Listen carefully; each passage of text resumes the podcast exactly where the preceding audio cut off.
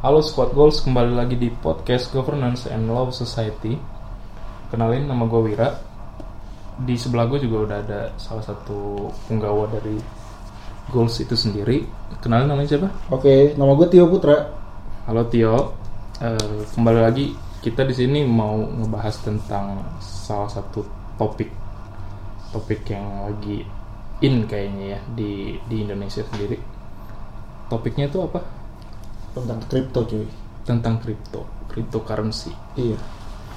sekarang gue mau nanya ke Mas Tio nih. Hmm. Mas Tio pernah denger nggak tentang cryptocurrency? Pernah. Dan gue kebetulan lagi Lagi main, main, juga. juga. di kripto, lagi belajar main juga di kripto. Hmm, Betul. Untuk mencari eh, untuk cari ini sih sebenarnya cari cari cuan. cuan, pendapatan di luar gaji lah. Cuma gue gua mau nanya, kalau fungsi kripto itu selain untuk investasi bisa buat apa lagi? Kalau kalau fungsinya kripto itu pertama itu kan yang kayak lo bilang buat transaksi ya. Bukan buat Eh? investasi kalau Oh ya, kayak tadi lo bilang buat investasi. Selain Ah. investasi itu sebenarnya karena dia mata uang digital, hmm, dia itu bisa digunakan sebagai alat transaksi. bisa Bisa kayak kayak itu kayak e-wallet gitu ya? Ya, tapi Ah, di Indonesia masih belum dilegalkan sebagai alat transaksi karena kenapa belum legal?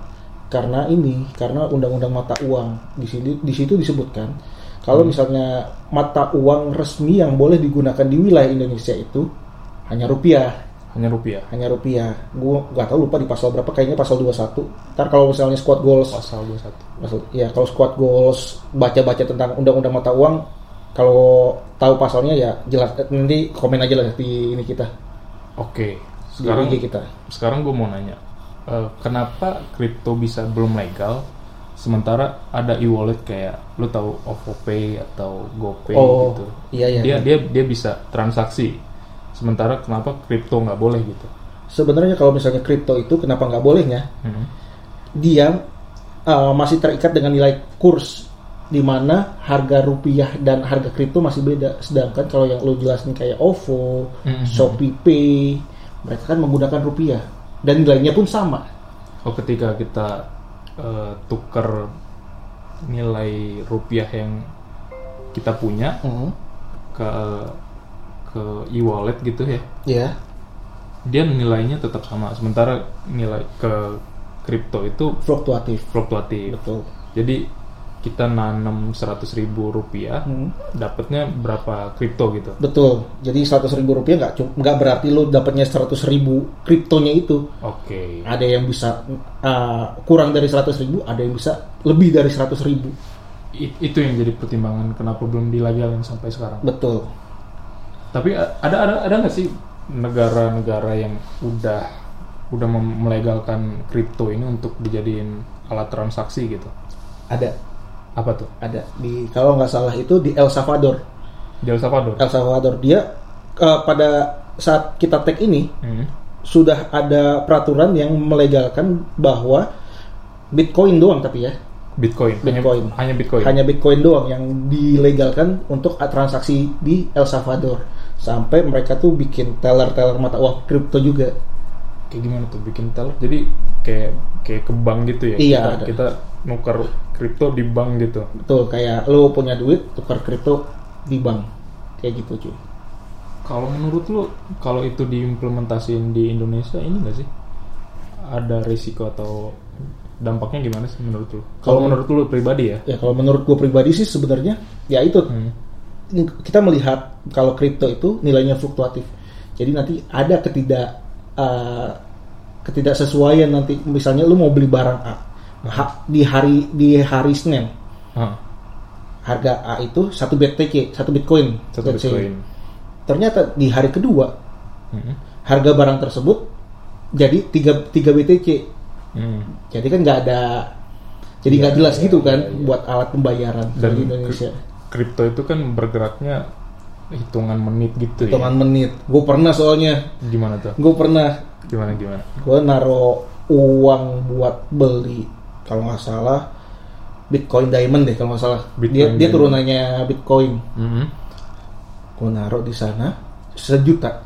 Satu juta. satu juta oke gue main. pertama naik naik naik terus nih itu beberapa saat kemudian gitu ya Iya. lu ngecek lagi beberapa saat kemudian pertama hari pertama gue lihat naik Hah.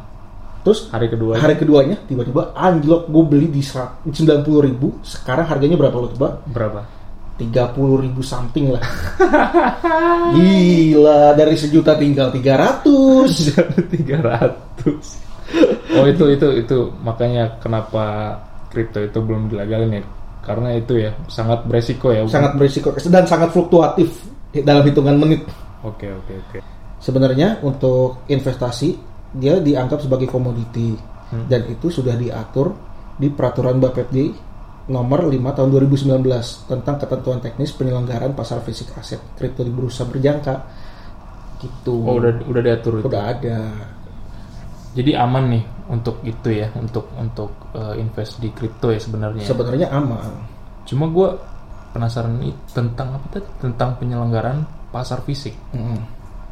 pasar fisik itu gimana kan kita tahu kripto itu uang mata digital gitu cuma kalau diperdagangkan diperdagangkan di pasar fisik bentuk fisiknya gimana gitu sebenarnya bentuk fisiknya itu eh, gima- di mana toko yang menjual kripto tersebut Hmm.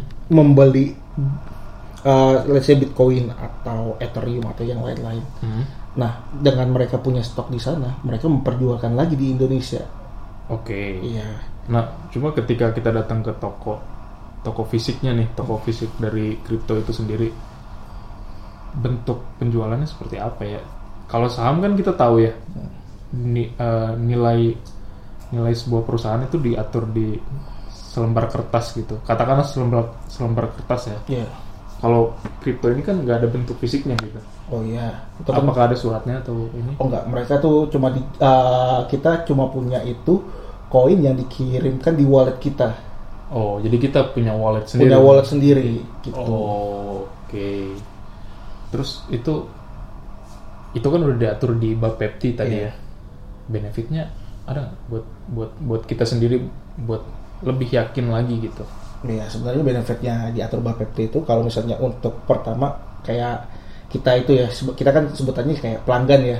Hmm, Kans- contohnya. apa Customer, customer, customer. customernya itu memberi perlindungan kepada kita Hmm, dari kemungkinan kriptonya itu apa daripada kriptonya tersebut bakal melakukan penipuan. Contohnya, lu pernah dengar yang Squid Games gak? Squid Game Coin. Pernah. Nah, itu kan ketika lu Hmm, jadi Squid Game itu contohnya gini, apa namanya? Squid Game yang gue baca itu kalau nggak salah hmm. developernya itu bikin koin, Kemudian bikin koin, terus dia invest banyak hmm, dilihat harganya makin naik. Akhirnya kelihat lihat potensi wah, orang-orang kayak kita itu ngeliat potensinya bagus wah naik terus nih. pembelinya banyak nih. Membelinya jadi banyak Eh, dan dia tiba-tiba itu eh, mengambil semua dana dari yang di Squid sudah Game masuk itu yang yang sudah masuk tersebut diambil sama dia otomatis harganya bakal turun drastis kan. turun drastis. Iya sampai sekarang kalau nggak salah jadi 0 rupiah Jadi nol rupiah. jadi 0 iya itu Nilai terakhirnya berapa? nilai terakhirnya ah gue lupa deh berapa deh ratusan ribu. Ratusan ribu. iya kalau nggak salah ya Oh, kali berapa juga udah berapa miliar itu ya? cuan coy kalau nggak salah itu dia udah ngantongin developernya udah ngantongin sekitar 10 t atau berapa gitu Buset, itu gila nilai duit coy. penipuan itu jatuhnya. penipuan sebenarnya Berarti kalau udah diatur di Bapepti itu ada kepastian hukum lah buat, ada kepastian hukum buat kitanya sendiri ya. iya Oh, Oke. Terus ada lagi nggak yang kira-kira membuat kita lebih yakin gitu? dia sebenarnya diatur banget itu supaya ada inovasinya juga Oh, Oke. jadi pro sebenarnya koin itu kan ada proyek-proyekannya juga tuh Mm-mm. kayak contohnya si Basweb BTC itu digunakan untuk uh, kalau di Amerika itu Bitcoin itu digunain bukan oleh negaranya dilegalin tapi antar perusahaannya Antar perusahaan. Iya, jadi yang, contoh- yang udah buat MOU gitu ya. iya contoh Tesla deh Mm-mm. Tesla itu dengan kesadarannya sendiri Hmm. bol apa boleh menggunakan Bitcoin kalau nggak salah terakhir Doge deh Untuk transaksi. untuk transaksi beli mobil Tesla Beli tersebut. mobil Tesla. iya tapi cuma untuk perusahaannya itu doang si Tesla itu doang menarik. iya menarik menarik menarik terus ini kan gua kan mungkin masih pemula ya untuk untuk eh, invest di kripto kripto ada ada ada rekomendasi nggak lo tempat tempat beli kripto gitu sebenarnya untuk yang sudah terdaftar ada di Oh. Bapepti Di Bapepti ada yang ada terdaftar. Ya. selain toko kriptonya sendiri ada koinnya juga kalau misalnya toko kriptonya sendiri yang sudah terdaftar ada 13 Dit. Ada 13. Iya. Contohnya kayak Indodax, Toko Kripto, Zipmax, Luna, Pintu, ya banyak lah. Pintu. Pintu, Namanya pintu. Oke, tapi iya, tapi oke, Pintu- oke. aneh ya. aneh banget. Agak-agak kurang ini aja. Kurang ya. tapi sebenarnya kalau misalnya gua sendiri Hmm. saat ini lagi gunain Indodax. Saat ini lagi gunain Indodax. Iya, soalnya user friendly lah. Dengar Indodax kalau Indodax pengen Lu built in lah ke kita lah. Ini kita promosiin lu. Oke oke oke. Cuma sekarang sekarang kan kita ngomongin tentang itu tadi ya Hmm. tempat beli tempat beli bitcoin eh tempat beli kripto. Iya, Tapi kan kripto itu sebenarnya bukan bukan cuma Bitcoin. ya. Iya. Ada banyak. udah banyak banget. Ada ada ribuan nggak sih? Eh, Sampai nggak ribuan? gua kurang tau kayaknya ratusan sih, Ratusan. ratusan. Kalau di Indonesia ini s- berapa banyak sih kripto yang di, boleh diperjualbelikan gitu? Oh, itu juga ada di peraturan Bapeptinya itu katanya kalau gue baca sih ada 229 Om. 229. Iya, 229 yang boleh diperdagangkan di eh, toko kripto yang ada, yang sudah terdaftar di, di Bapepti. Oh di Bapepti tadi. Iya, ada 229 juga yang sudah terdaftar di Bapepti koin-koinnya itu. Itu peraturannya udah lama atau Kalau nggak salah 2020 deh, 2020? Desember Baru 2020. Baru, baru, baru kemarin ya. berarti ya? kemarin sih hitungan udah hitungan tahun Di di peraturan nomor berapa? Lu inget nggak? di peraturan Bapepti nomor 7 deh kalau nggak salah. Nomor Tahun- 7? Iya, tahun 2020 tentang penetapan daftar aset kripto yang di- yang dapat diperdagangkan di pasar fisik aset kripto. Oh, gitu. Nah, cuma pertanyaan berikutnya nih ya. Gimana caranya men- si Bapepti ini menentukan eh, berapa banyak koin yang di- boleh diperjualbelikan gitu? Oh, Dari sekian ratus gitu ya. Iya, sekian iya, iya. ratus. dari ratusan itu ya. Dari ratusan itu. Itu Kenapa cuma ditetapin 229. 229? ya sebenarnya ada pendekatan secara yuridis sih. Itu di tadi peraturan yang gue sebut tadi Hmm. di pasal 3 ayat 2-nya. Kalau nggak salah itu eh, mereka itu ngelihat eh, lim- 500 per, eh, peringkat 500 di coin market cap. di coin mar- market cap Iya, peringkat 500-nya itu. peringkat 500. Iya. Tapi kenapa dari 500 hanya 229 yang Nah, itu ada lagi ada pendekatan penilaian analisis hierarkinya juga nih, apa tuh? di mana mereka juga memperhatikan aspek keamanan, profil tim dan anggota tim yang mengembangkan developernya, Oke. tata kelola sistem blockchain-nya itu, Mm-mm. skalabilitas sistem blockchain, Oke. roadmap yang menjelaskan rencana pengembangan sistem blockchain-nya yang dapat diverifikasi pencapaiannya. Hmm, Gua nggak paham nih sampai sampai Yang sini. terakhir ya. Ah, ah, sampai situ. Jadi pengembangan sistem blockchain itu yang yang dapat diverifikasi itu gimana? M- Menurut logika aja ya gimana? Iya, kalau menurut logika sebenarnya itu eh, tujuan dibikinnya koin itu rencana kedepannya mau apa? Oh, oke. Gitu. Jadi jadi dia bukan hanya membuat Bitcoin kayak squid squid coin tadi ya Iya. yang lo maksud tadi ya. buat di apa buat dibu, dibuat squid coinnya itu hanya untuk ngambil untung doang buat developernya Jadi si developer ini harus punya visi yang jelas gitu. Nah, visi yang jelas tentunya Dia mau ngapain, eh, transaksinya mau eh, larinya si kripto ini mau dibawa kemana ya gitu. proyeknya mau di ke kedepannya mau ngapain aja dia Harus jelas itu. harus jelas Makanya bisa di listing di dalam peraturan Bapepti tadi. iya kalau misalnya di luar 229 itu ya mereka harus de, delisting jadi nggak boleh diperjualbelikan di Oh. toko kripto ya apa maksudnya di toko aset kripto yang terdaftar Iya. di bawah Webti Berarti 200 eh di luar dari 229 koin tadi, koin-koin nggak jelas aja itu mah ya. iya itu hanya koin-koin nggak jelas lah Yang ya, ya udahlah ya gitulah ya. iya Gak usah dipertimbangin gitu. Nggak usah, ya kalau bisa sih ya pikir-pikir lagi kalau bisa mau beli lah. Oke, sekarang mungkin ini pertanyaan terakhir nih, Eh, Mas Tio. Iya. Ada nggak tips dan trik buat gua nih yang yang baru mau mulai eh, investasi di kripto Hmm? yang bisa gua langsung aplikasiin gitu? Oh iya sih. Pertama ya, Hmm, kalau ini pendapat gue pribadi ya. Oke, Pertama, lo kalau bisa uh, invest kripto itu jangan melebihi kemampuan finansial lu. Oke. Harus pakai uang dingin. Uang dingin maksudnya apa? Itu adalah uang kalau misalnya lu dapat gaji itu di luar semua pengeluaran lu, Di luar semua kebutuhannya. di luar semua kebutuhan pengeluaran lu pokoknya. Oke, jadi gua mungkin harus spare sebagian gaji gua untuk benar-benar invest di sini ya. Iya benar. Nah jangan jangan sekali sekali kan lu apa? Gue pernah lihat beberapa di Twitter atau di Facebook Hmm. mereka tuh minjem duit ke pinjol lah ke Untuk invest bank di terus buat invest apa namanya kripto. Dengan harapan pengembaliannya cepat gitu. Iya kan kita kan nggak tahu kan. Iya, bener sih. Itu kan eh, ya apapun investasinya pasti ada resiko sih. memang Pasti ada sebetulnya. resiko ya, ya mitigasi resikonya ya lu jangan pakai uang Jangan panas lah. pakai uang panas gitu ya. Iya. Terus yang kedua, riset secara menyeluruh. Kayak yang tadi gue bilang itu di apa pendekatan penilaian analis hierarkinya itu yang bapak petinya itu. Hah? Yang pertama lu harus lihat dulu profil tim dan anggota timnya. Pro- profil dari developernya itu yang Oke. membuat siapa. Terus lu lihat eh, kekonsistenan mereka dalam mengupdate berita-berita atau proyek-proyek dari kriptonya tersebut. Oke, jadi gua harus riset. Harus riset lebih Jadi mendalam. jadi gua harus menentukan dulu kripto mana yang mau gua beli nih, Iya. ditargetin dulu gitu kan. Benar. Terus gue riset mana kripto yang bener-bener menjalankan proyeknya dengan jelas gitu kan. Iya iya gitu.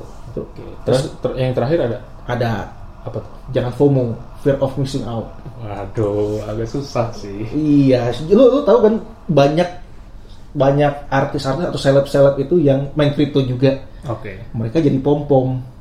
Pom-pom tuh gimana? Pom-pom jadi kayak mereka beli satu koin, mereka mereka pegang satu koin, terus mereka itu kayak memar kayak market, jadi marketing dari koin tersebut. Jadi nilai jualnya naik si koin itu. Iya, karena si seleb-seleb itu, kalau artis-artis itu punya followers yang banyak dong, punya pengikut Iya, yang banyak oke. dong. Jadi mereka mikir, wah ini dia dia beli itu pasti kan uh, udah riset lebih Iya, apa si artis uh, orang-orang yang memfollow dia pasti mikirnya Iya. pasti bakal naik nih. Belum tentu juga. Jadi dia dengan sengaja menginfluence orang untuk ikut membeli koin yang dia beli. Betul. Terus kemudian ketika harganya udah naik, dia jual. Jual itu sama kayak apa namanya? Sebenarnya kalau misalnya kayak gitu kayak Kayak kasus Squid Games tadi sih. tapi Kayak tapi kasus Squid co- Game. iya, tapi cuma kalau kalau Squid Game kan dia developernya developernya, kalau ini ya Kalau orang ini- yang pemegang kriptonya itu tim marketingnya gitu ya Sebe- iya Bukan tim marketing. Bukan- orang yang pegang orang kriptonya yang orang yang punya kriptonya terus membuat isu ini naik Mm-mm. seolah-olah ini koin yang bagus bagus padahal sebenarnya biasa aja atau biasa aja jelek oh oke Ya, agak-agak ini sih agak tricky ya sebenarnya Iya. untuk main kripto ini. jadi harus riset tadi ya Mm. dan juga ya fear of, fear of missing out itu jangan ini uh, ketika harganya udah turun banget oke jangan lu langsung jual jangan langsung dijual eh ini bukan financial advice ya tapi cuma Iya, iya, iya. apa namanya kayak pendapat gua doang oke jadi kalau misalnya lu udah naruh duit banyak di situ tiba-tiba harganya turun oke suatu saat akan naik lagi kok suatu saat akan naik lagi Iya. Tuh, itu aja sih tips dari gue sih. Jadi yang penting sabar lah ya. Yang sabar. Oh, Oke. Tuh. Oke, squad goals setelah obrolan kita yang lumayan panjang nih di episode kali ini, kita mau membuat kesimpulan nih. Jadi apa kesimpulan yang bisa kita dapat nih kira-kira Mas Tio? Kesimpulannya. Kesimpulannya ya Kes- sebenarnya kesimpulannya tadi itu itu ya tadi ya si si kripto ini udah diatur udah di diatur di di papel Indonesia. Jadi kita tapi nggak sebagai perlu- komoditi kita nggak perlu khawatir gitu ya Iya, untuk benar. invest di kripto. kripto. Soalnya mereka kan udah ada pendekatan-pendekatan buat apa penelitian-penelitian buat koin apa aja yang boleh di listing gitu. Iya, jadi ya Mbak Pepti udah lebih paham lah tentang kripto ini ya kan. Terus eh, untuk tips dan triknya tadi jangan FOMO, Jangan FOMO, terus ah, jangan pakai uang panas, jangan pakai uang panas, terus harus riset. harus riset. Iya. Oke lah itu dia yang bisa kita obrolin. eh, Mudah-mudahan bermanfaat buat squad goals semua. Oke, squad goals untuk penutup. Mungkin gue pengen ngajak squad goals untuk eh, ajak teman-temannya follow, like dan komen di IG kita. IG kita di At Govlaw Society. @goflow society. Iya. Jangan lupa di like terus habis itu lo follow juga lah Ya, mungkin eh, mudah-mudahan ini informasi bisa bermanfaat buat kalian semua. Kemudian ya dibantulah disebarkan ke teman-teman siapa tahu bisa bermanfaat juga bagi mereka bermanfaat juga bagi mereka. Oke, terima kasih Squad Goals. yuk bye. Bye.